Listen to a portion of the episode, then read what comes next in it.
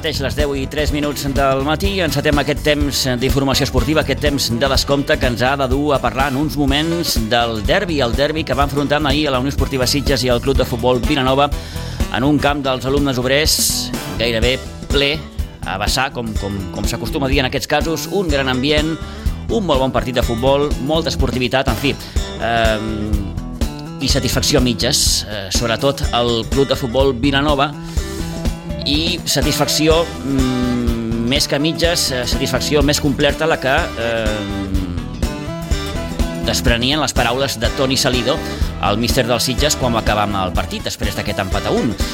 Va començar marcant José el minut 26, després d'una errada d'Alfonso, del porter del Vilanova, i eh, Roger Penya, el central vilanoví, va poder igualar quan només faltaven 3 minuts per acabar amb un bon xut des de l'interior de l'àrea. Empat a un en aquest retrobament del derbi del Garraf en majúscules després de 23 anys. Ara, com aquell qui diu, cadascun dels equips seguirà amb el seu camí i es tornaran a veure les cares el proper 10 eh, de març de l'any que ve al municipal d'Aigua Dols. Farem la crònica, òbviament, d'aquest eh, derbi que va enfrontar ahir el Club de Futbol Vilanova i la Unió Esportiva Sitges. En repassarem també la tercera catalana, l'empat a dos que van aconseguir el Sitges B i el Basi Espirall el passat dissabte al municipal d'Aigua Dols. Farem crònica també de la jornada de bàsquet, de la derrota que va patir el bàsquet Sitges eh, dissabte a Pinsbens contra el Valls, la primera de la temporada, 70 a 73. També va perdre a casa amb el Club Patí Subur Sitges. El conjunt de Jofre Vilà, que es va veure sorprès per al Club Patí Riu de Villes per 3 a 4 i victòria a la divisió d'honor catalana del Rugby Club Sitges que es va desfer 21 a 19 del Barça Rugby. 10 i 5, comencem.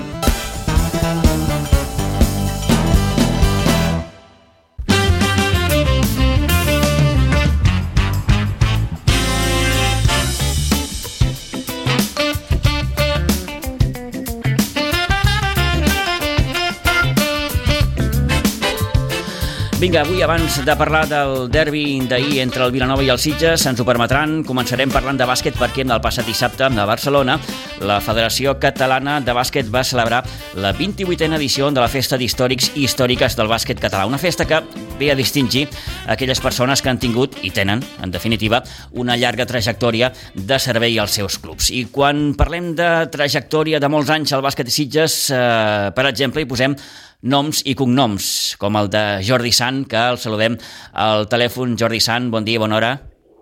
Hola, bon dia. I, i moltes felicitats. Moltes gràcies. Eh, eh, bé, com, com vas viure aquesta jornada de dissabte, Jordi?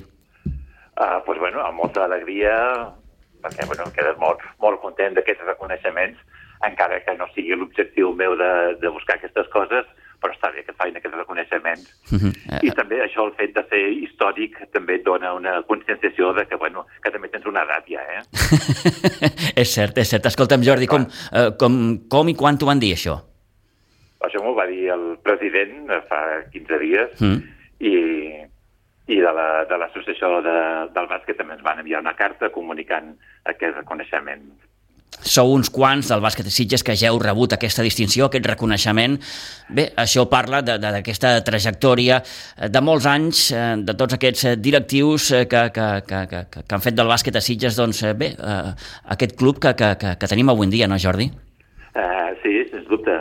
Uh, el, el mèrit de que reconeixements també ha de ser col·lectiu. Jo tampoc no vull agafar el protagonisme perquè jo no només sóc una peça més dintre de tota aquesta estructura de junta directiva, però també de junta esportiva, que uh -huh. fan que el club hagi funcionat durant tots aquests anys i hagi evolucionat també d'aquesta manera, eh? perquè eh, parlàvem el dia aquest de la, de la festa del que ha canviat el bàsquet doncs de fa 25 anys que vaig començar jo el que és actualment i realment és molt diferent. Uh -huh. Ha evolucionat molt i, i una mica el, el mèrit dels que hem estat aqu aquests anys és això, és adaptar-nos a tots aquests sistemes nous que hi ha avui en dia. Ara ho acabes de dir, Jordi, eh, crec que és important. Ha canviat molt, però ha evolucionat molt també. Eh, sí, sí, i ha evolucionat en positiu, eh? Que clar, clar, clar. Les coses són, són millors, eh, és millor qualitat la, la que es dona la formació, l'ensenyament, tot és millorar. El que passa que també arriba un punt que aquestes millores també són una mica emprenyadores, eh? en quan entres ja en aquests temes burocràtics, de que et fan fer tantes coses, tants sí. papers, eh, certificats de no sé què, de no sé quantos... Mm, està bé, però també porta unes complicacions que déu nhi eh? Allò que abans fèiem en paper, ara ho fem a través de, de, de online, com es diu, a través de l'ordinador, i això porta més d'un mal de cap, segur. Uh, sí, sí, sí. sí. I, I més no, per la gent que esteu al capdavant dels clubs, no? Que, que, que heu d'estar de, de, allò al peu del canó. Sí, sí. No, I pensa que quan jo vaig començar, que era l'any 2000, l'any 90 i pico 2000, és que no, no es feia ni, ni en paper, eh? Allà qualsevol podia ser entrenador, podia mm. anar i entrenes i ja està. Sí, sí, sí, sí, sí. Eh... Ara, és, ara no, ara necessites fer uns cursets, fer no sé què, fer no sé quantos, fer moltes, moltes coses. I, I ja està bé, perquè això dona més, més qualitat amb, el, amb les persones que estan allà. Uh -huh. eh, veus ara el bàsquet Sitges, eh, Jordi, i, i, i tenim, penso que un club eh, que ha anat creixent, eh, que ha anat evolucionant, i, i escolta'm, fa patxoca. Uh, sí, sí, sí. No, no, i no, i no parem de créixer, eh, perquè aquest any també estem tenint les matriculacions d'aquest any i cada cop hi ha més gent, és que no, que no, no, no, no hi cabem, no? Bueno, això ja és un, un altre tema, ja sí. el tema d'instal·lacions, però que sí, sí que no paren d'apuntar-se nanos, suposo que és normal perquè la població de Sitges també va augmentant i eh, per lògica les entitats esportives també tenim més, eh, més participants però sí, sí, el bàsquet no, no para d'incrementar el número de participants. Sí. Uh -huh. eh, clar, al llarg d'aquests anys, eh, Jordi, entenc que les has vist de tots colors. Penso que si posem una balança hi han més coses bones que, que, que, que dolentes, oi? Eh, sempre, sempre. Mm. A més, les, les dolentes intentes oblidar-les eh, i, i mantenir les, les bones. Però no, no, en general han sigut uns anys amb moltes coses positives i moltes coses que et donen molta satisfacció, eh? perquè si no, no estaríem aquí. Eh? Jo estic aquí és per, per això, perquè mm -hmm. ho, ho compensa. Eh, clar, eh, ara, clar, em ve al cap, mm, sí, el Jordi Sant, hi ha el Pau Simó, hi ha el Freddy Domínguez, hi ha el José Antonio Velasco, hi ha tot aquest grup de persones que ja fa un bon grapat d'anys que, que, que estan al capdavant del club, sí. i, i, i, i bé, i, i el camí segueix, però clar, aquest camí, Jordi, no sé si dir... té, té un final. Eh, no, no, ha de venir gent nova i hi ha d'haver renovació. Eh, han, de, han de sortir, han de sortir a, aquest, aquest jovent. Costa, eh, per això? Eh, costa, costa. Eh? Uh -huh. tenim, tenim ja alguns nanos, tenim eh, gent que ja està fent d'entrenadors, coordinadors, esportius, que, que ja està fent el pas, però bueno, sí que costa que entrin a, a formar part de la part aquesta més de gestió més que la part esportiva. Eh? A tothom li agrada molt la part esportiva Clar. i a vegades la, la part de gestió costa més trobar, trobar mm -hmm. gent. Mm. Eh, mira, per anar acabant gairebé, Jordi, eh, eh, aquest estiu vam, vam, vam entrevistar l'Edu Pinheiro aquí a la ràdio i, i ens vam quedar amb un, amb, un, amb un titular, o amb uns quants, però mm, em, em va sobtar quan, quan em va dir que vaja, amb ell li faria molta il·lusió eh, veure de nou el bàsquet Sitges jugar amb la Lliga EVA. a tots, a tots ens faria il·lusió eh, recuperar aquelles, aquelles aventures que vam passar dos vegades de poder pujar, d'arribar fins a Lliga EVA. Però és complicat, eh? Sí. Eh, és complicat, no és fàcil. Ara mateix, ara mateix, no sé si dir que fa una mica de vertigen, eh? Uh, sí. sí. Pensar, sí, sí. pensar en una Lliga EVA, eh, quan vens el que vens, eh, sí. i la història ja, vaja, l'hem comentat per activa i per passiva, no? El, el bàsquet sí, Sitges sí. en el seu dia va haver de renunciar a jugar a Lliga EVA eh, bé, perquè no hi havia possibilitats econòmiques i, i això no, no tothom és capaç d'assumir-ho i de fer-ho. Sí, sí. Principalment, sí, aquestes decisions són, són molt complicades i molt difícils, però hi ha moments que ho tens que fer. Mm. Però, bueno, per mi el important és que l'equip esportivament, el club, hagi aconseguit aquesta, aquesta fita doncs, dos vegades, no?, amb el que portem des d'aquests anys, i això dona molta satisfacció, que puguis arribar a una lliga de tant nivell, perquè esportivament s'ho han guanyat. Uh mhm. El fet de que no hagis pogut mantenir-lo per un temes econòmics i tot això, doncs potser és un punt negatiu de cara nostre, de, cara a mi, com a gestor, que no hem aconseguit uns, uns diners, uns pressupostos o una sèrie de coses que, que et puguin fer mantenir això que esportivament s'ho mereixien, uh mhm. -huh. perquè esportivament no, no, no estaven a zona de descens ni res. Sí, sí, no, no, no. El que, el que t'has guanyat a, a la pista, diguem-ho així, eh, Exacte. ho perds... No ho, mantenir, no ho pots mantenir sí. per falta d'esponsor, per falta de... Això, o per, o per això de la Junta. Jo, jo, jo reconec que la part nostra també també hi és, però bueno, mm. es va fer el que es va poder i era, era, era impossible és la... uh, mantenir aquesta eh, categoria. És evident que sí. Eh, Jordi, acabo. És la decisió més, més, més dura que ha hagut de prendre el, el, el club, que tu recordis? Eh, segurament, de tots aquests anys, mm. segurament sí, és la part potser més, més negativa. Ja. Sí. Mm. I això, bueno, inclou també la part de Junta, però també inclou el tema de d'esponsorització, no, no, de col·laboracions clar, clar. a tots els nivells que en aquell moment no, no, es donaven. Eh? Mm. Però nosaltres sí que vam fer totes les gestions que tenim que fer o que podem, vam intentar fer-les, però bueno, uh -huh. Quan no hi, ha, no hi ha resposta, no hi ha resposta. Ah, òbviament, amb la millor de les, de les intencions, com es fa, com es fa, com es fa tot. Eh, res, Jordi, gràcies per, per atendre'ns aquests minuts. Enhorabona per aquesta distinció i, i anava a dir que per molts anys... Moltes gràcies i ja ho sabeu. Per Vinga. necessiteu, aquí estem. Gràcies, Jordi, una abraçada. Adéu-siau.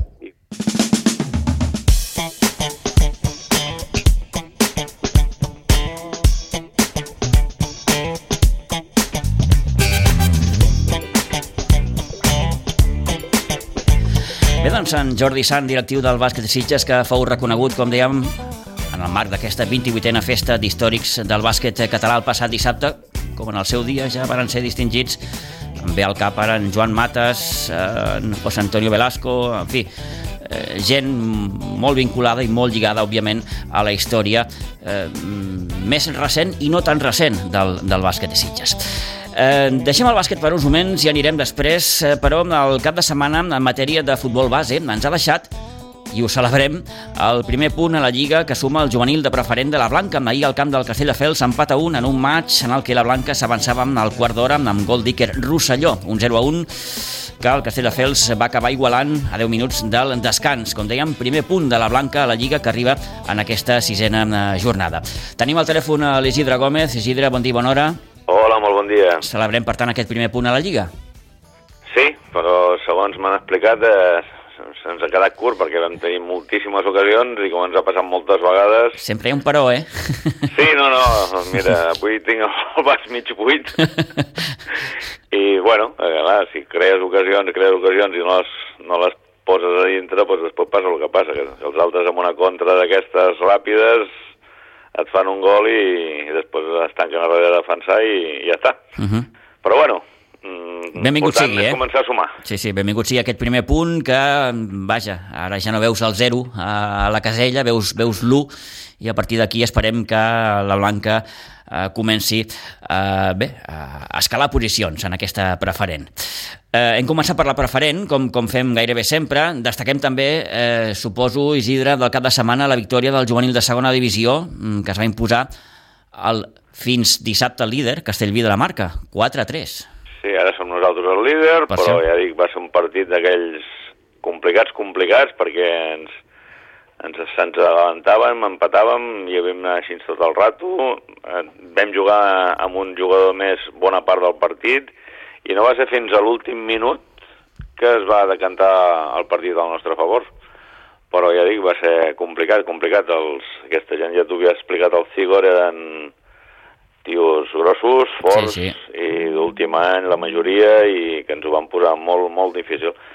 Ens hem tret honors de sobre, ara aviam si podem aferrar-nos a aquesta primera posició i, i arribar aquí fins al final de la temporada. Sí, perquè ara la Blanca, com diguem, és líder en solitari amb aquests 10 punts. Curiosament, 4-3 és el mateix marcador que, que l'equip va aconseguir a la primera jornada aquí amb el base Vilanova. De moment, els dos partits que l'equip ha jugat al Nou Pinsbens han acabat amb aquestes dues victòries per idèntic marcador. I remuntant, i remuntant. I remuntant, òbviament. Què destaquem més de la jornada, Isidre? Bueno, dos partits curios, curiositat. Mira, l'infantil B i el cadet C, l'infantil B entrenat pel Moi i el cadet C entrenat pel Josep Cardiñoso, jugaven contra la Granada en tots dos casos. I tots dos van fer el mateix resultat, 11-0. Ostres. Sí, doncs també ha sigut uns partits fàcils, però bueno, torna la casualitat que tots dos juguessin a Pinsbens, la Granada A, tots dos casos, infantil B i el cadet C, i mira, dic, que avui farem aquesta curiositat. I després volia parlar del meló que veu destapar l'altre dia amb un debat que veu fer, mm. que és el futbol femení. Sí. Que, vist l'èxit que va tenir el debat, doncs ens, ens apuntem al carro i volem intentar tenir una secció femenina, bueno, aquesta, dir-ho així, ens queda una mica malament, la secció femenina. Bé, un equip femení. Això mateix. Eh? Bueno, començar amb, una, amb, un, amb un primer femení, doncs aquest any hem posat... Bueno, hem, hem penjat a les xarxes unes dates d'anys 2016, 15, 14 i 13 per veure si podem arribar a assolir i poder fer, preparar un equip de cara a l'any que ve. Serà ha, complicat perquè... Hi ha hagut moviment, mm, Isidre? Alguna, alguna pregunta ens han fet, mm. clar, però alguna nena més gran de les que demanem... Ja. Aviam, la Blanca sempre ha tingut futbol femení. Mm, jo ara estava, avui abans, quan recordava, la Marta Llopis, ara està jugant de professional als Estats Units. De futbol femení com a tal no, com a tal no, com a tal no, però, però sí, sí, ja ho vam comentar del... el seu dia amb l'Agus, que, que, que bé, tenim alguns noms com el de la Marta Llopis, com la Mar Rodríguez, eh, en fi, que, que jugadores que, que han passat per Pinsbens i que en el seu dia doncs, van, van jugar eh, amb, amb, amb companys nois. Exactament, ara en tenim set, que estan, tres Correcte. que estan a promeses uh -huh.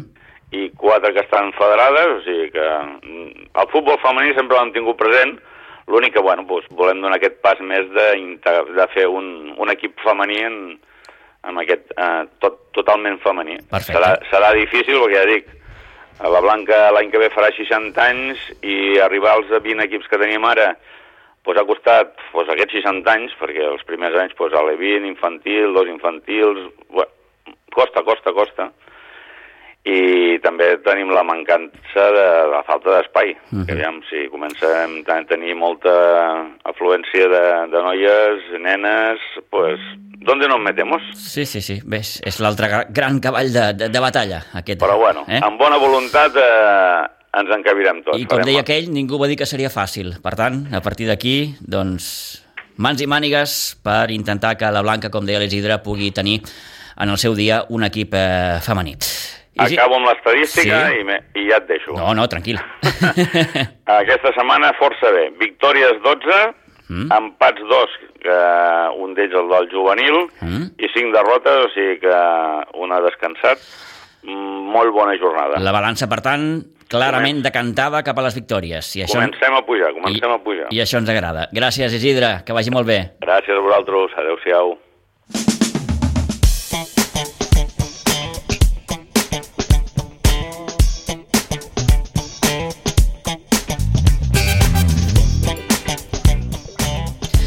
10 i 21 minuts del matí. Ara sí, parlem del derbi. El derbi jugat ahir a l'alumnes obrers que va acabar amb aquest empat a un que, podríem dir, va deixar una mica més contents els sitgetans i una mica menys els vilanovins.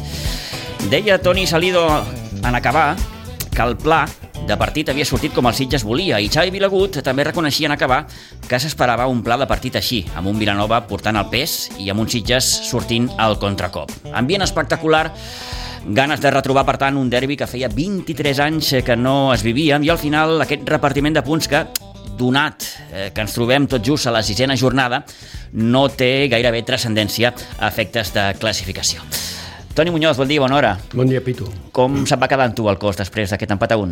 Doncs uh, me quedo molt amb el que va dir Xavi Vilagut eh, i el que va dir Toni Salido. Eh, jo esperava un partit així. Eh, Sitges tenia que defendre bé i sortir a la contra eh, i a més a més la incorporació de Josele ja me va donar aquesta raó. No? En una posició més, més endarrerida a l'habitual, no vam veure un Josele allò en punta en punta, sinó allò servint bones pilotes Sí, eh? és que pràcticament el Sitge va jugar sense punta, no? perquè don José estava una mica més eh, cap al mig del camp, i allà tenia Geri, però Geri ja saps la missió que fa sempre, o Alejandro Pasqua a la banda, no? Uh mhm. -huh. eh, le va faltar un punt als Sitges, que feia una miqueta aquesta funció Josele, no? perquè amb la velocitat i tot de Josele i el trencament i la veterania de Josele, doncs le va sortir al Toni eh, com a ell al tint, no? Perquè, sí, sí, ho doncs, reconeixien acabar, després ho escoltaran, que, que, que el pla de partit que ells havien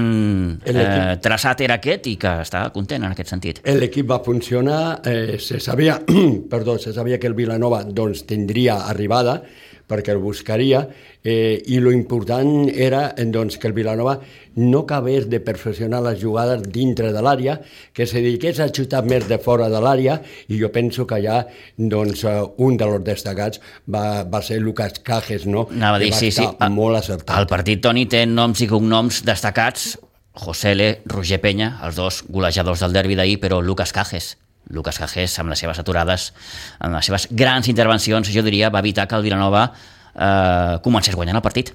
Sí, correcte, correcte. I el que són les cores, grans aturades de Lucas Cajes i una pífia d'Albert Alfonso, porter del Vilanova, va permetre a José L marcar el 0-1 al 26.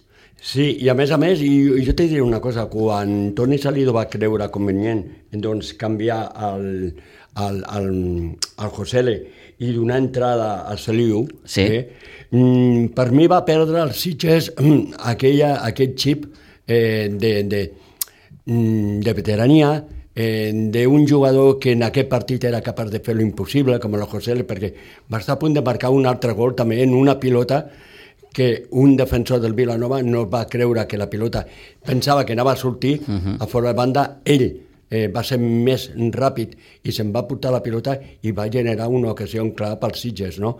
Eh, quan va fer el canvi aquest, jo, jo lo trobo molt correcte, perquè a més a més buscava també... Sí, sí, eh, busques doncs, la velocitat a la contra d'un home com Saliu, evidentment. Saliu sí, sí, home, sí, sí. Però potser li va faltava l'experiència que té José L, no? Eh, I de la manera que estava ahir. Ahir vaig veure un José L molt diferent al que havia vist fins ara i amb Geri, que la va tenir també Geri, eh, doncs eh, buscava això, el, el, perdó, els Sitges, i al final doncs...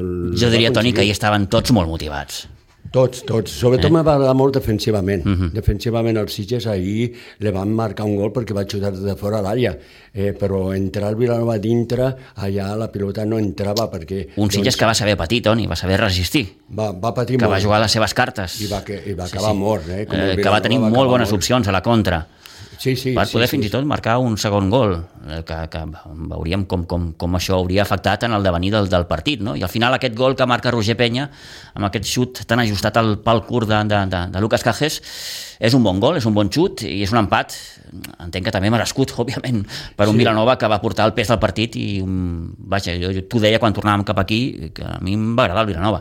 Molt, a mi em va agradar molt el Vilanova. Jo, jo ja l'havia vist, no? Mm. Eh, però ahir va jugar millor, eh? eh? I a mi me va jugar molt, me va agradar molt Matius el jugador americà sí, Mati. Del, sí, sí, del, sí. del Vilanova, és un, al mig del sí, camp. Sí, és un tot terreny. Eh, és un tot terreny, mm -hmm. un jugador que doncs, va portar molt, com el Prat, no? També va Marc Prat, bon partit de Marc Prat, també. també. Sobretot la primera part, no? Mm -hmm. Va jugar molt bé. Mm, de fet, me va agradar molt el Vilanova, però si mires i després valores eh, les ocasions que va tenir un i l'altre, sí que el Vilanova va tenir tres molt bones, però compte que el Sitges també la va tenir. Sí, sí, sí, no, no, no. Eh? Eh, jo penso que el, el Sitges resultat... ara em ve, em ve al cap, mm, va fer un molt bon partit, per exemple, Marc Martínez.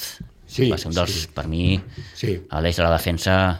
Sí, sí, un jugador doncs, que va estar molt acertat. Geri també va fer un partit molt sí, seriós. Sí, bueno, Geri, és, eh? Potser, Geri és difícil dir que no fa un bon partit. Mm, va estar picant en cada moment i tot un culcó per la defensa del Vilanova. Mm. Eh, eh, I bé, jo penso que al final el resultat eh, per la gent que van veure el partit és un resultat just. Que lo va buscar més el Vilanova, d'acord, però que el Sitges lo va eh, saber gestionar, sí, sí, sí, sí, sí, i gestionar, sí. doncs, uh, de meravella. I un ambient, Toni, espectacular. Molt, molt espectacular. La gent tenia ganes de, de, de, retrobar aquest derbi que feia 23 anys que no, que no es vivia de manera oficial i bé, una sobresa ahir, vaja, com, diu en aquests casos, el de les grans ocasions. Sí, sí, estava ple de gom a gom. Jo potser el que doncs, no me va agradar tant massa control, no? Eh, sí, eh, jo penso bueno, que potser la gent necessita sí. més llibertat, no tant control. Respirar no? una miqueta. Correcte, correcte. Però bé, en qualsevol cas, així ho va decidir el Vilanova i recordem que era un partit que tothom passava allò per caixa, eh? crec que l'entrada valia 10, 10 euros si sí. no eres soci sí. i 8 si eres soci del, del Vilanova. Per tant... Sí, si tenies que entrar tenies que anar acreditat, eh? Sí, si no sí, malament, sí, sí, sí, eh? Si no malament. Mesures eh, importants ahir les que va posar el Vilanova per poder accedir a l'alumnes eh, obrers. Eh, escoltem els místers del, del Sitges i del Vilanova i primer les paraules d'un satisfet Toni Salido. Me voy muy contento. Muy contento porque al final hemos planteado un partido que creo que ha salido a la perfección. Bueno, a la perfección no, porque la perfección hubiese sido de que las contras que íbamos a tener, a, haberlas metido. Y posiblemente hubiésemos salido con una victoria de aquí, sabiendo lo que es venir a Vilanova, sabiendo el equipo que tienen, sabiendo que en la segunda parte sabíamos que iban a dar un paso hacia adelante y que nos iba a tocar ser muy, ser muy humildes, ser muy trabajadores, ser muy compañeros para poder sacar este partido hacia adelante. Al final hemos aguantado creo que prácticamente toda la segunda parte hasta llegar a un chute fuera del área que hace un buen gol pero hemos defendido bien, eh, que, es importante trabajar sin pelota y creo que, hemos hecho un gran partido. Creo que hoy el Siche hace un buen partido, eh, creo que hoy el Siche saca un buen punto de Vilanova y, estoy muy contento. Uh, ara ho deies, uh, el pla de partit ha sortit gairebé com, com, com, com volíem. Uh, com, com ho has vist, Toni? Perquè hem vist un Vilanova que, que, que ha volgut proposar, que han tingut les seves ocasions, hem vist un gran Lucas Cajes uh, evitant doncs, que el Vilanova Vilanova s'avancés l'errada del porter del Vilanova d'Alfonso doncs, l'ha aprofitat Josele a partir d'aquí el Sitges ha resistit ha tingut bones opcions a la contra. Heu pogut fer el segon, no ha estat així i en una acció gairebé per acabar doncs el Vilanova ha pogut empatar. Sí, bueno, al final también es verdad que en la primera parte eh, las ocasiones más claras las tenemos nosotros. Sí que es verdad que tienen un remate de cabeza y tienen un chute fuera del área pero creo que las mejores, las mejores ocasiones las tenemos nosotros planteando nuestro partido. Nosotros hemos venido a que, a que el dominador eh, queríamos que fuese Vilanova, queríamos recuperar en el medio cuando filtraban por dentro para jugar rápido, para jugar rápido a, los extremos nuestros o una descarga de José era lo que estábamos buscando. Creo que la primera parte ha sido ha, salido a la perfección, creo que hemos estado muy bien. Que en el error del portero, que yo prácticamente no, he visto el gol, tengo que ver las repeticiones, pero me han dicho que ha sido un error del portero. Nos colocamos 0-1, eh, sabíamos que era muy complicado sacar algo positivo de aquí y lo hemos logrado. Creo que un punto contra un equipo que está hecho para, para subir, que van buscando el ascenso como, como, como bien han, dicho que, van han hecho un equipo para pelear y estar arriba. Creo que siendo visitantes, creo que era lo más normal que ellos fueran a por el partido desde el primer, desde el primer minuto. Creo que a ellos el empate no les vale, pero a nosotros sí. A nosotros el empate volvemos cuatro semanas puntuando eh, y eso es muy importante. Ya dije que si no podía ganar, empatar. Lo estamos haciendo y, hay que seguir con esa mentalidad que el día que no pueda ganar por lo que sea, empata. Hoy no nos llevamos los tres puntos. Bueno, porque al final también es un campo muy grande donde las contras, cuando llegas a área contraria también llegas bastante fatigado, pero muy contento porque hemos defendido bien, ha salido todo a la como, como, como está preparado el partido, los, que han salido han, han, sabido sufrir, han sabido ayudar al equipo, eh, sobre todo sin balón y nada, eh, felicitar al equipo y, y, a, descansar que, que el martes volvemos. ¿Cómo has viscut, Tony, tú el derby, personalmente? Bueno, pues yo la verdad que lo, lo, he visto con, con, mucha ilusión desde, desde la semana. Eh, al final nos, prácticamente nos conocemos todos, pero después de, de tanto tiempo sin un derby de esta, de esta dimensión en comarcal, ¿no? Han pasado más años, ¿no? Probablemente. Sí, posiblemente sí, y tener el placer de, de poder haber, haber, vivido esta semana, de, de, haber podido vivir este campo lleno, eh, bueno, eh, la verdad que da mucho gusto, da mucho gusto estar en un clásico como, como lo han bautizado, ¿no? que, también me parece que también me parece bien y bueno, eh, muy contento, como estuvimos contentos en la final de Copa, poder, poder vivir esos días ¿no? o estos partidos que son especiales, la verdad que es un privilegio y, un honor para nosotros, al trabajo, a la humildad, viniendo de donde venimos, viniendo de Cuarta Catalana, subiendo un equipo a tercera, eh, cogiendo un Siches B que, fueron maravillosos, unos chavales que, gracias a ellos nos hicieron eh, poder coger un primer equipo, eh, vivir, vivir un ascenso de segunda a primera catalana, meterlos en una final de copa y vivir un Vilanova Siches, pues creo que para nosotros es el premio a, a la humildad, al trabajo y solo agradecer a todas las personas que confiaron en nosotros, aquí en Siches Ángel, agradecer este, este nombre, ¿no? porque al final es el que, el que da un paso hacia adelante por nosotros y lo hemos vivido con, mucha felicidad, mucha felicidad. Con... El ambiente espectacular, ¿eh? Dime. El ambiente espectacular. Sí, y bueno, es que no esperábamos eso, ha sido un partido limpio, no ha habido, no ha habido un derby de aquellos de, de, de, eh, marrullero, ¿no? Cada uno con sus armas ha intentado de sacar un partido. Qué bonito es eso, ¿eh? Sí, ha sido un partido muy especial, me alegro mucho también por Xavi Vilagú, porque al final también es amigo mío, hace un buen trabajo Xavi, eh, se ha visto un derby chulo, ellos con sus armas, nosotros con las nuestras, dos proposiciones distintas en este partido, ellos teniendo más el balón, más dominio, eh, siendo más protagonistas, nosotros con cerrando líneas de paso, intentando de, engancharlos a la contra y bueno, eh, vuelvo a repetir, muy contento, muy buen empate y nada, eh, a disfrutarlo porque es un empate que, nosotros lo, lo vamos a celebrar.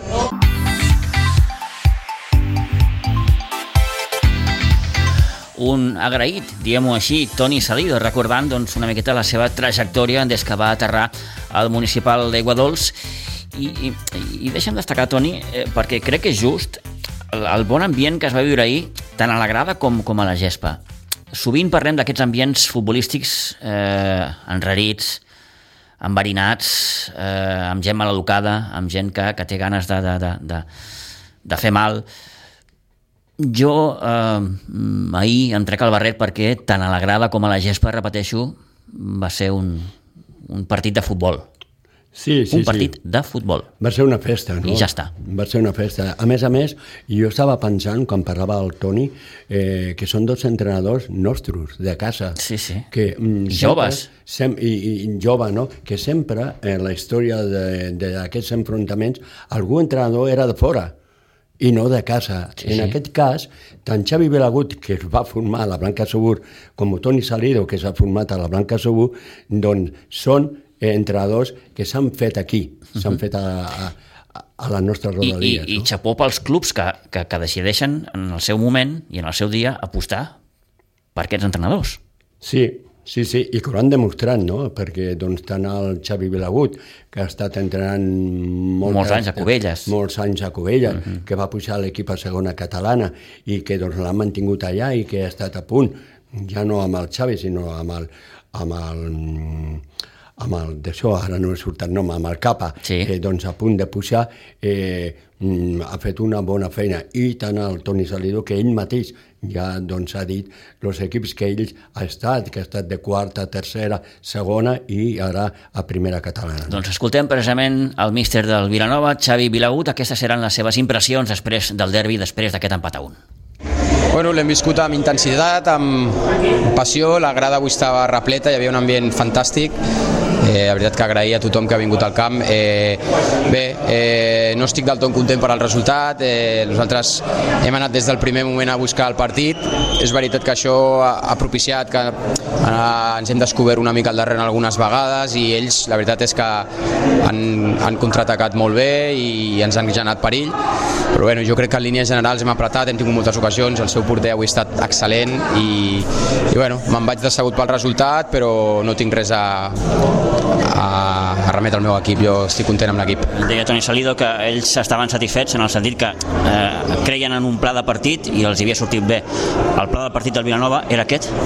Sí, jo crec que ho vaig comentar quan ens, la setmana passada quan ens van fer aquí l'entrevista tots que esperava aquest partit, el Vilanova portant el pes, el Sitges esperant i sortint bé el contraatac, jo crec que ha sigut exactament així el partit, no?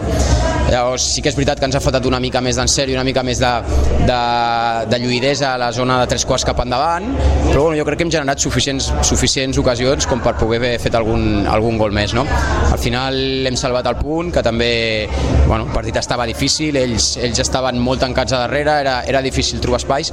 Eh, bé, al final salvem un punt, ja et dic, no és el que volíem, però, però com a mal major doncs, ens conformem i, i a seguir treballant. Sí que és que el Sitges ha resistit bé, ha tingut alguna opció bona a la contra i heu tingut el premi aquest del, del gol en els darrers instants. Sí, jo crec que era merescut, no, no era, no era, avui no era just si el Vilanova no hagués sumat cap punt, jo crec que ens hem merescut a, a aquest punt, l'hem treballat molt, l'equip l'equip s'ha desfondat, hem portat el pes, eh, psicològicament això també eh, és, és difícil de tot el partit estar portant el pes amb l'equip tancat i veus que, que no sorgeixen gaires espais, el Sitges ha fet molt bé el seu pla de partit, l'ha executat molt bé, la veritat, eh, és un bon equip i, i bé, ja et dic, al final doncs, eh, tot i no estar contents per al, per al punt sumat perquè volíem de 3, doncs tal com s'ha donat en els darrers instants, doncs bueno, com a mínim ens n'anem no tan, no, tan, no tan enfadats com ens hem anat amb una derrota.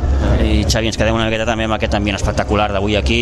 Feia masses anys que no es vivia un ambient així i bé, més enllà del resultat, també hem de celebrar que ha sigut un partit doncs, molt net, molt disputat, sense cap problema, mm, això és fantàstic. Sí, sí, en aquest aspecte des d'aquí doncs, felicitar el club perquè s'ho ha treballat moltíssim poder, poder generar aquest ambient a les grades i com deies tu, el partit ha estat un partit molt net, esportiu, jo crec que ha sigut un, un bon espectacle pels aficionats i la veritat que dona goig eh, jugar amb el camp així, els jugadors ara ho comentaven, que, que ojalà cada setmana tinguéssim aquests ambients perquè tan puja de vegades quan et falten les forces, no? doncs això et dona ales per, per tirar endavant. I a partir d'ara cadascú seguirà el seu camí. Exacte, nosaltres seguir amb, la, amb, el, amb, a, amb, la nostra, amb el nostre recorregut, eh, la veritat és que com sabeu pues, tenim aspiracions a poder estar als Jocs Camp davanters i, i bé, la setmana que ve prepararem perquè hem de sumar de 3 escó.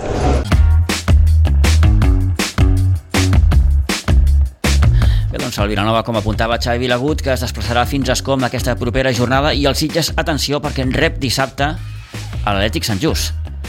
Sí. Partit que jugarà a les 7 de la tarda. Hi ha trampa aquí. Mm. Saben que dissabte, a un quart de 5 de la tarda, hi ha el clàssic Correcte. Barça-Madrid, i això ha fet, eh, ha fet eh, doncs, donar un petit tom a la qüestió dels horaris, eh? retocar horaris, i aquest Sitges Sant Just de dissabte a Iguadols, que serà un altre molt bon partit, doncs serà a partir de les 7 de la tarda. Un Sant Just que va empatar a un eh, a casa contra el Sant Ildefons, també va empatar a un l'Aleti Vilafranca en el seu partit al camp del Prat B, per tant, poques coses han canviat a efectes de classificació. Sant Ildefons 13 punts, Martorell 13, compta amb aquest Martorell que també és un dels candidats, Sant Just 11 i Vilanova 11. El Sitges ara mateix és 9 eh, amb 8 punts, eh, tanquen la classificació Escó 5 punts, Morell 4 punts i el Sarrià 3 punts. Anem a la tercera catalana.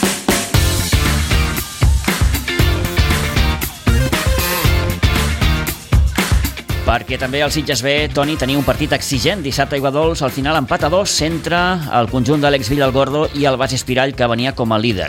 Resultat just? Sí, jo diria que just i fins i tot diria eh, doncs que va mereixer el Sitges guanyar, eh? Tinc la sensació que, eh, pel que comentava també després Àlex Villa, eh, se li va fer curt el partit al final. Sí, sí, sí, sí, sí. Se va allargar 5 minuts, però van ser pocs minuts perquè si el Sitges estat dos minuts més, doncs acaba guanyant el partit, no? Un Sitges que la primera part no m'ha agradar, eh, i tot i que se va adelantar al marcador, de fet el Sitges s'adelantava al minut 11 Marc, eh, Marc Silva feia el 1 a 0, un gran gol des de fora l'àrea. Després, doncs, el Sitges, eh, la, la posició de la pilota la va tenir més a l'Espirall, el Sitges eh, contrarrestava, però no era... Eh, el panorama eh, no era el que le agradava al Sitges. No, no era el millor escenari, vaja. No era el millor escenari, sí, sí. no se sentia còmode mm. eh, i això lo va notar. Al minut 45, una falta tonta fora de l'àrea doncs representa l'empat a un perquè doncs se treu la falta i allà una sèrie de cames marquen el gol que li donava l'empat al, a l'Espirall i al minut 51 en, jo diria que l'única errada que va tenir el defensor dels Sitges Serra, doncs uh, s'aprofita molt bé el millor jugador d'ells eh, per a marcar l'1 a 2 i, i l'única errada, eh, perquè va fer un partidàs per a treure's el barret el del Serra. Miquel Sella. Miquel, perdó, Serra. Miquel Sella. Sí, sí. Eh, Miquel Sella va fer un partidàs, va jugar molt bé, però doncs aquí va pecar una miqueta de joventut uh mhm. -huh. i doncs se va aprofitar molt bé el golejador i a la segona part el Sitges va ser molt superior a l'Espirall, sobretot en l'últim 20 minuts i al final, minut 89, Dani Tamayo feia l'empat a dos eh, i fins i tot van tenir un, una ocasió claríssima en un altre xut des de fora l'àrea en el que porter va estar molt acertat, el de l'Espirall, i o si no el Sitges hagués guanyat el partit. Me va agradar molt el Sitges a la segona part, els retoques que va fer doncs, a Àlex Villagordo en la segona part le va funcionar molt bé al Sitges, l'Espirall estava totalment ofegat i el Sitges estava amb ganes de guanyar el partit i llàstima, li va faltar res per a guanyar-lo. Doncs aquestes sensacions també són les que tenia Àlex Villa després en acabar el partit. Sí, bueno, partit, partit bastant emocionant. Al final de 200 pulsacions totes les persones que estaven al camp i bé, et quedes amb el sabor agridols perquè s'atacava el partit quan estàs eh, amb la fletxa pedal i motivat i ganes de fer el tercer, però bueno, lectura positiva d'haver pogut empatar un partit que, que a falta de 3 minuts estava perdut. Eh, bé, el partit comença bé, el Sitges eh, comença marcant, però quan marca el Sitges, la posició de la pilota l'agafa l'Espirall, però controla bastant bé i arriba al gol de l'empat en aquell, aquella falta ja pràcticament a punt d'acabar la primera part. Eh? Eh, després canvien les coses, no? però aquí després n'hi ha l'errada, també una petita errada en defensa dels Sitges, que això ser el 2 a 1, i a partir d'aquí totalment canvia els Sitges. Sí, jo crec que, que hem sortit bé al partit, hem sortit enxufats, amb ganes, sabien que era un rival que no el podien deixar jugar ni sentir-se còmode i abans, a, a, la, a la vegada que hem fet el gol jo crec que no sé si és que ens hem, hem volgut tapar massa les esquenes, hem fet una passa enrere i ells han començat a ser més protagonistes.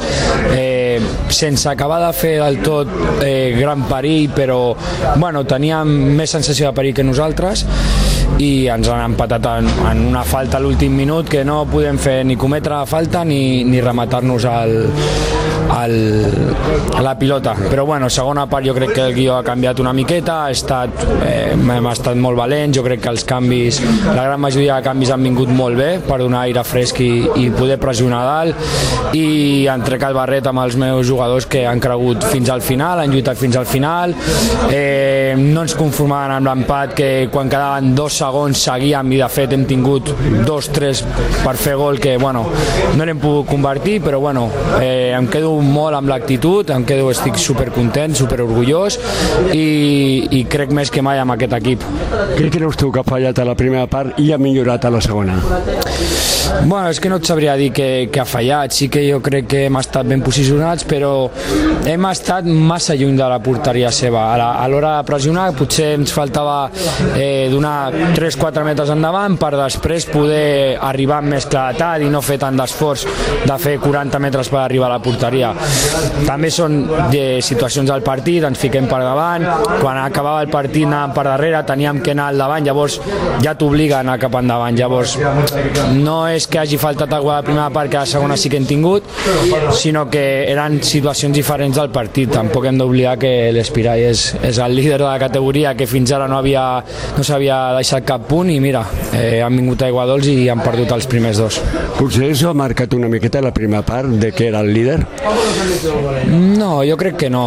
Jo crec que, que sabien molt clar com jugaven, crec que hem estat bastant bé aturant-los, sobretot els, els tres de dalt, que és on, on fan molt de mal el que potser al fer el gol hem volgut assegurar que a la mitja part eh, marxéssim amb avançats, que marxéssim amb aquest 1 a 0 i, i ha fet el que ens ha fet tirar enrere.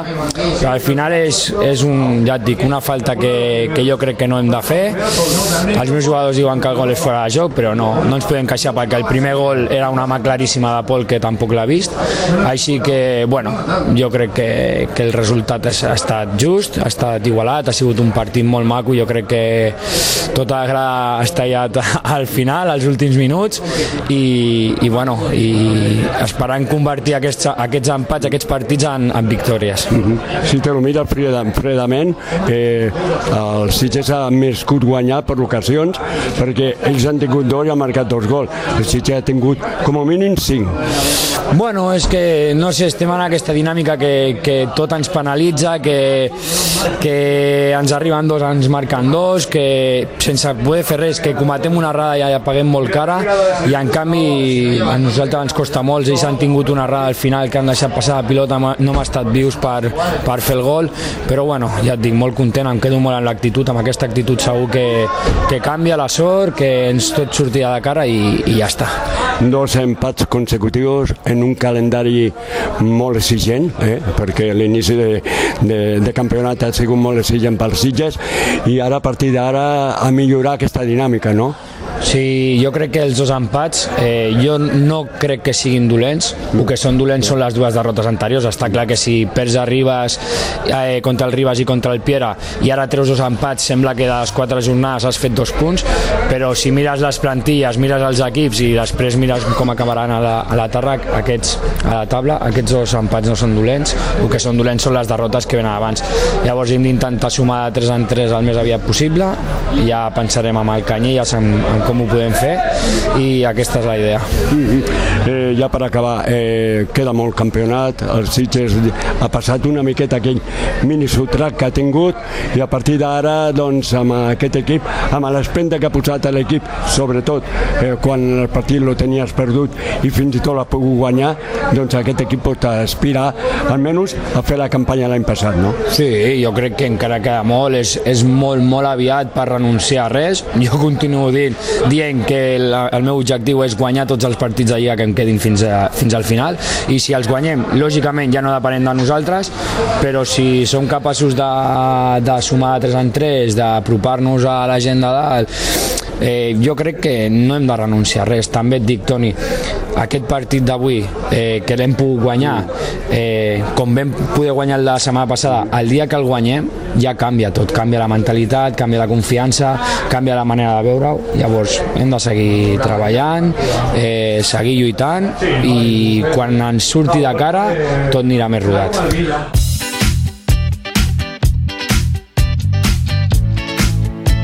Bé, doncs aquestes eren les impressions d'Àlex Villalgordo després d'aquest empatador entre els Sitges i el Base Espirall en aquesta sisena jornada que ens deixa el Ribas nou líder després de la seva victòria en 0 a 4 a Can Cartró ens deixa les eh, males sensacions que hi ha a Olivella a dia d'avui després de la derrota 1 a 4 contra el Fàtima i el Canyelles, que es van dur la victòria de les Roquetes en guanyar 0 a 1 a la Penya Jove.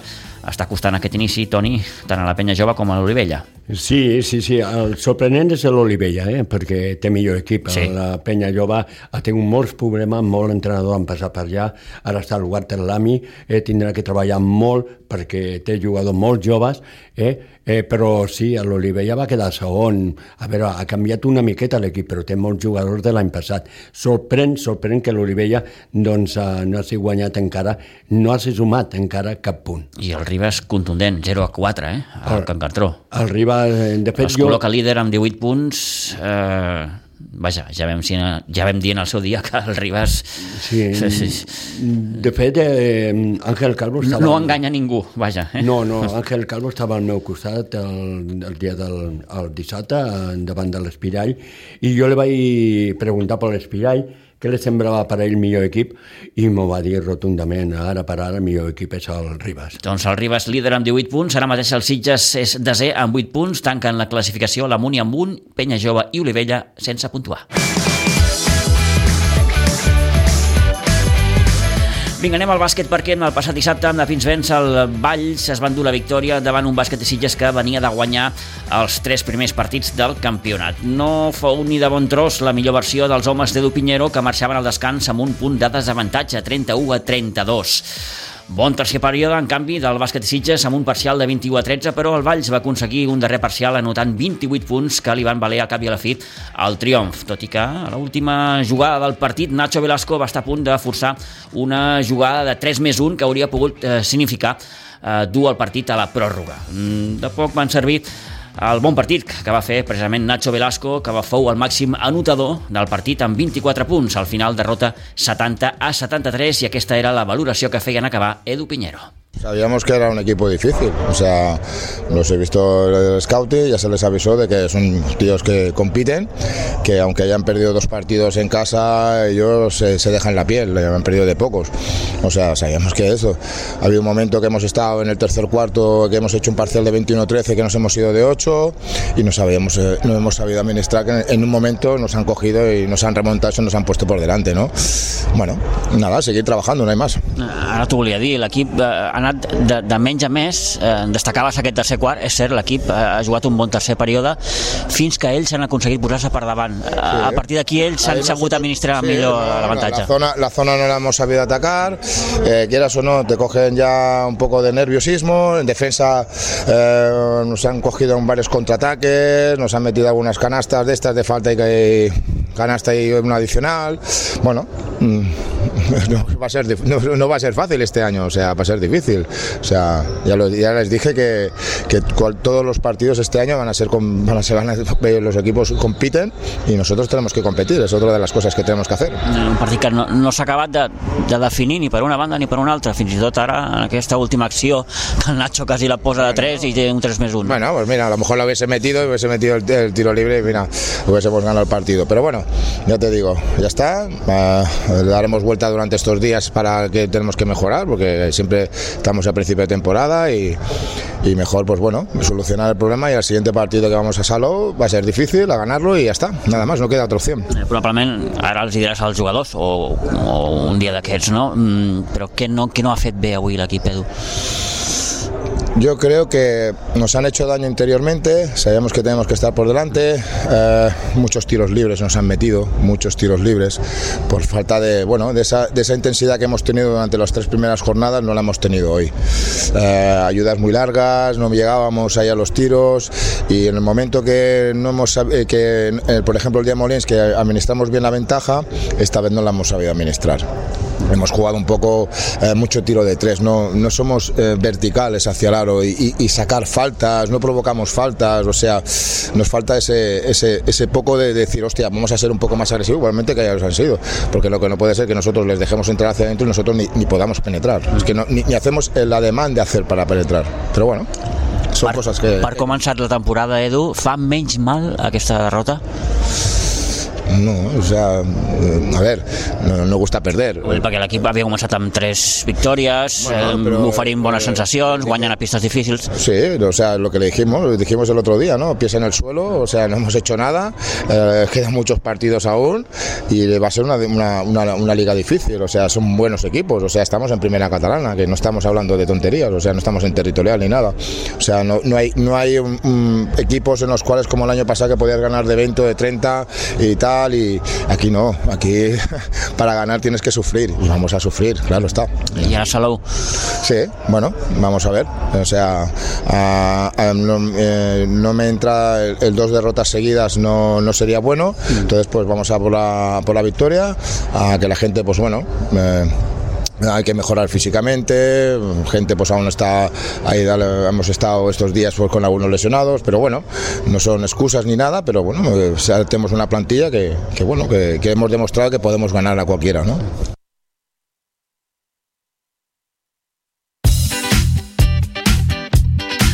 Les valoracions que feia amb Edu Pinheiro després d'acabar amb aquest eh, partit, aquesta derrota 70-73 davant el eh, Valls, eh, proper cap de setmana, com li preguntàvem al míster, a la pista del Salou. Anem a l'hoquei perquè el Club Patí Subursitges va patir divendres passat la segona derrota de la temporada en perdre 3-4 pins vents davant un riu de Villes que venia com a líder en ple de victòries.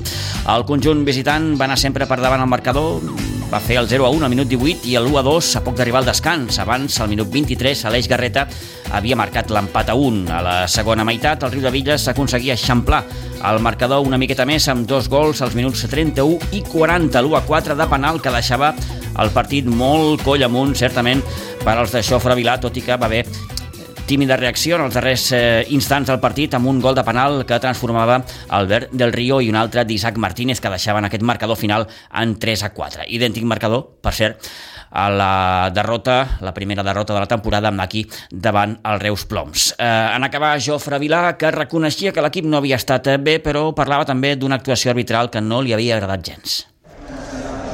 No han jugat bé. Avui no han jugat bé.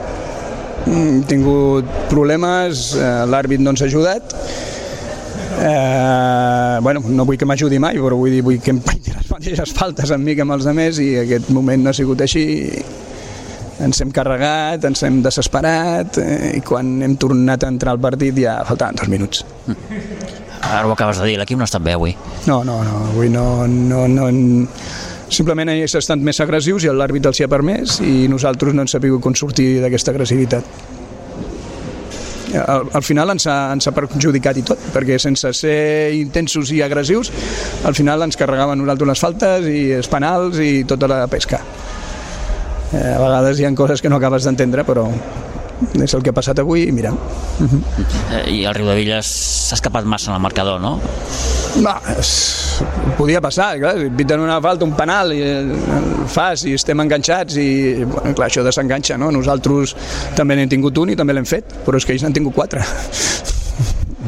bueno, hi ha hagut una tímida reacció, diguem-ho així, ara a la part final? No, no, al final, al final, al final, com que tot ja ells estaven espantats perquè estaven remuntant i no sabien massa bé com anava l'assumpte i nosaltres hem aprofitat per entrar, però bueno, estàvem, s'estava acabant el partit. Mm. Bé, com dèiem, una llàstima, no?, perquè l'equip mm, estava en bona dinàmica, bons resultats, bueno, avui, eh, amb confiança. Avui han lluitat, eh, però el problema és que, eh, diguem-ne que el, nosaltres, eh, quan volien ser intensos, eh, ens penalitzava i, en canvi, ells han estat intensos tot el partit i no, no, no els hi han penalitzat en absolut, o sigui, no han arribat a fer ni les 10 faltes. Bueno, bueno a vegades és, és, és el que hi ha, no, no hi ha una altra manera. I ho diuen fins i tot que, que li has comentat alguna cosa a l'àrbitre. Sí, clar, és, perquè clar, deia, només veus el que els està passant amb ells, diu, el que ens està passant a nosaltres no, no ho veus, i, bueno, sabia que tenia raó, per això m'ho he vingut a comentar.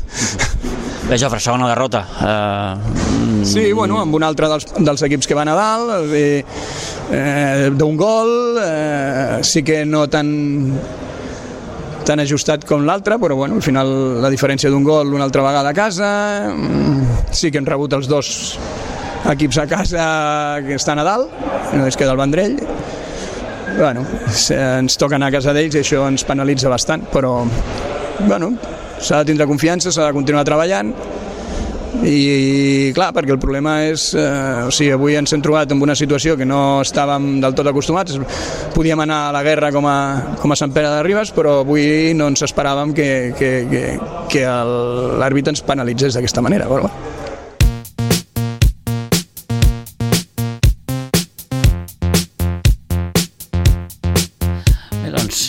Escoltat Jofre Vilà Caixós, eh, de, de l'actuació arbitral. Al final aquesta derrota 3-4 davant el Riu de Villes. Després de la disputa d'aquesta cinquena jornada, el Club Patí Segur Sitges ocupa la setena plaça amb 7 punts. Dissabte que ve, eh, a dos quarts de sis de la tarda, jugarà a la pista de la Sagrera. Eh, acabem amb rugby perquè a la divisió d'honor catalana, en partit de la tercera jornada de la fase prèvia, el Rugby Club Sitges va aconseguir el seu segon triomf en imposar-se 21-19 al Barça Rugby Blau, amb assajos de Max Griera i Pedro Gómez, eh, tres cops de càstig i una transformació d'Hugo Pablo. Dos de dos, de moment, per a un Rugby Club Sitges que diumenge que ve jugarà contra l'INEF de Barcelona. No ha estat, de fet, una bona jornada per als equips del Rugby Club Sitges si accentuem aquesta victòria del primer equip. La resta han perdut tots. Va perdre el sènior B de Sant Cugat, el sub-18 eh, davant la Unió Esportiva Sant Boiana, el sub-16 també va caure davant la Sant Boiana i van perdre amb els dos equips sub-14, el verd i el blau, el verd amb el Tarragona i el blau davant el Club Esportiu Universitari. Són les 11, fins aquí el temps d'informació esportiva. Toni, moltes gràcies. Molt bé, Pitu. Bona setmana i ens retrobem divendres.